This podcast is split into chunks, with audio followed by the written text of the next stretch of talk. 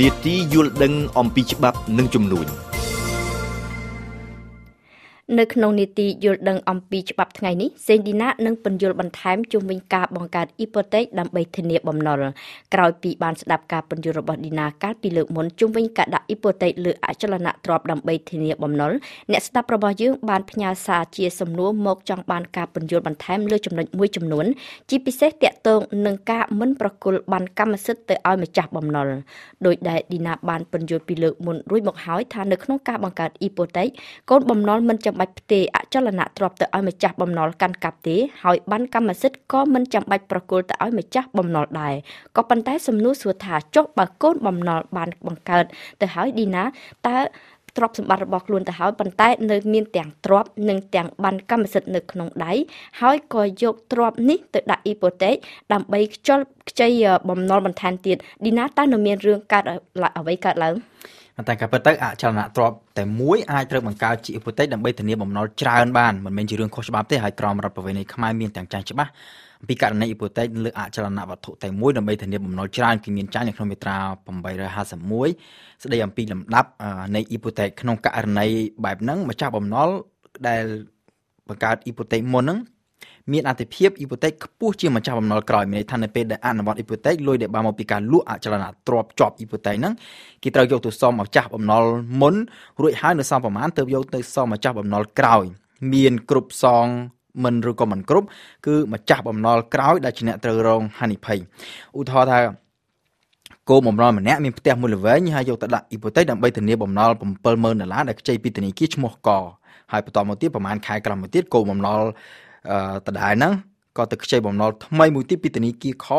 ក្នុងទឹកប្រាក់30000ដុល្លារដែលយកផ្ទះដដែលដែលជាប់អ៊ីប៉ូតេកហ្នឹងយកទៅដាក់អ៊ីប៉ូតេកធានាបំណុលថ្មីហ្នឹង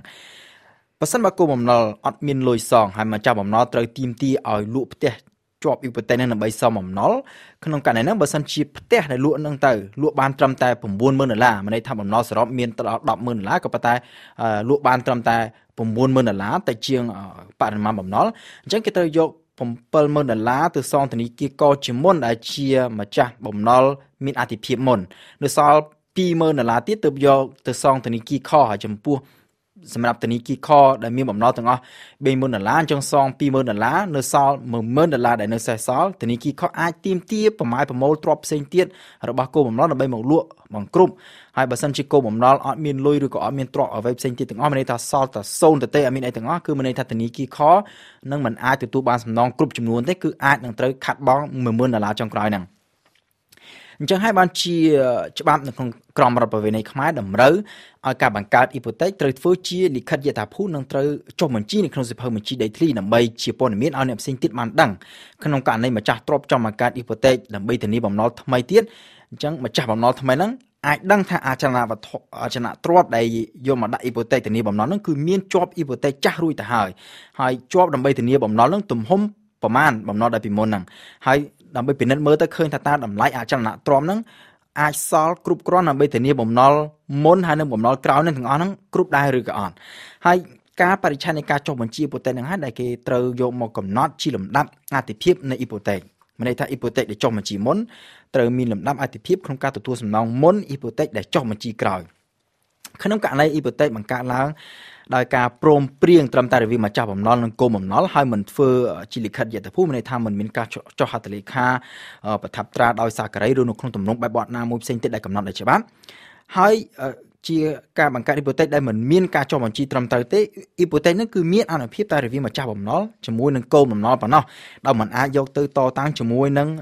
អ្នកផ្សេងបានទេក្នុងន័យហ្នឹងបើសិនជាម្ចាស់បំណុលមុនបានធ្វើអ៊ីប៉ូតេកដែរក៏ប៉ុន្តែ មិនបានធ្វើតាមលិខិតយថាភូតហើយមិនបានចុះបញ្ជីចំណែកម្ចាស់បំណុលក្រោយបានចុះបញ្ជីឧបតេយ្យរបស់ខ្លួនត្រឹមត្រូវគឺម្ចាស់បំណុលក្រោយនេះឯងដែលត្រូវមានអធិភាពទទួលសំណងពីការលក់ទ្រព្យចាស់នៅមានសំណួរមួយទៀតឌីណាតើកូនបំណុលអាចលក់ទ្រព្យដែលកំពុងតែជាប់អ៊ីពូតេកបានដែរឬទេបាទទ្រព្យដែលកូនបំណុលយកទៅដាក់អ៊ីពូតេកដែលមេធានាបំណុលវានៅតែ ជាកម្មសិទ្ធិផ្ដាច់មុខរបស់គោលបំណុលដដែលដូច្នេះគោលបំណុលមានសិទ្ធិចាត់ចែងទ្រាំនឹងបានក្នុងឋានៈជាម្ចាស់កម្មសិទ្ធិដូចជាអាចយកទៅជួលយកទៅលក់ឬក៏អាចយកទៅធ្វើជាអំណោយអីជាដើមក៏ប៉ុន្តែ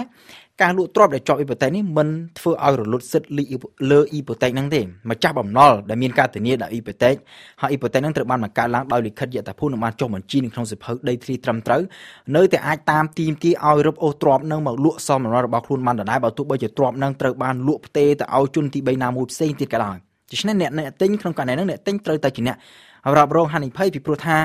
ខ្លួនត្រូវតែដឹងថាអចលនទ្រព្យហ្នឹងមានជាប់អ៊ីប៉ូតេកអ្នកទិញមិនអាចឆ្លើយដល់សារថាអត់ដឹងបានទេពីព្រោះថាអ៊ីប៉ូតេកមានការចុះបញ្ជីនៅក្នុងសិភៅដីធ្លីច្បាស់លាស់ណាហើយដែលគេហៅថាលក្ខខណ្ឌតតាំងនិងតតេយជននៃអ៊ីប៉ូតេកដែលបានចុះបញ្ជីអ្នកដែលទិញនៅពេលដែលទិញធ្វើការចុះបញ្ជីផ្ទេរកម្មសិទ្ធិត្រូវពិនិត្យមើលក្បាលបញ្ជីមានសិភៅដីធ្លីច្បាស់លាស់ដើម្បីឲ្យដឹងថាតើផ្ទះដីដែលខ្លួន បំរុងនឹងទិញហ្នឹងមានជាប់អ៊ីប៉ូតេកដែរឬក៏អត់តាមក៏ពិតបើតាមការអនុម័តជាស្ដីនៅក្នុងប្រទេសបារាំង ទាំងការបង្កើតអ៊ីប៉ូតេកនិងការទិញលក់អចលនវត្ថុគឺធ្វើឡើងដោយឆ្លងកាត់សាការីដែលភាសាបារាំងហៅថា notaire ហើយសាការីគេអាចមើលបញ្ជីដីធ្លីនៅទូទាំងប្រទេសទាំងអស់ដែលគេអាចដឹងច្បាស់ថាអចលនទ្រព្យណាមួយមានជាប់អ៊ីប៉ូតេកហើយជាប់នៅក្នុងទំហំបំណុលសរុបប្រមាណនៅពេលដែលមានការទិញលក់អចលនទ្រព្យដែលជាប់អ៊ីប៉ូតេកបើសិនជាមើលទៅឃើញថាថ្លៃលក់ទាបជាងបំណុលសរុបដែលជាប់អ៊ីប៉ូតេកមានន័យថាលុយដែលបានមកពីការលក់ទ្រព្យហ្នឹងមិនគ្រប់គ្រាន់ក្នុងការសងបំណុលទេក្នុងករណីហ្នឹងសាការីនឹងមិនប្រថាប់ត្រាលក់ឲ្យទេគឺទីមទីឲ្យម្ចាស់បំណុលម្ចាស់ទ្រព្យហ្នឹងទៅជំរះអ៊ីប៉ូតេកហ្នឹងឲ្យជ្រះស្រឡះសិនទើបគេសញ្ញេលក់ឲ្យបានផ្ទុយទៅវិញបើសិនជា ថ្លៃដែលលក់នឹងមើលទៅឃើញថាខ្ពស់ជាងបំណុលសរុបដែលជាប់អ៊ីប៉ូតេកមានន័យថាលុយដែលបានមកពីការលក់ទ្រព្យអាចយកទៅសងបំណុលគ្រប់ចំនួនបានក្នុងករណីហ្នឹងសាការីអាចប្រថាប់ត្រាលក់ទ្រព្យនឹងបានក៏ប៉ុន្តែមុននឹងធ្វើការទូទាត់ថ្លៃលក់រវាងអ្នកទិញហើយនិងម្ចាស់ទ្រព្យសាការីនឹងជួលដំណឹងទៅម្ចាស់បំណុលដែលជាប់ពាក់ព័ន្ធនឹងអ៊ីប៉ូតេកនឹងទាំងអស់ឲ្យបានដឹងពីការលក់នឹងដើម្បីធ្វើការទូទាត់បំណុលនឹងឲ្យជ្រះស្រឡះអស់ជាមុនសិនទើបប្រគល់លុយបើសិនជាសល់ប្រគល់លុយដែលសល់នឹងទៅឲ្យម្ចាស់ទ្រព្យដែលជាកូនបំណុលចាអរគុណឌីណា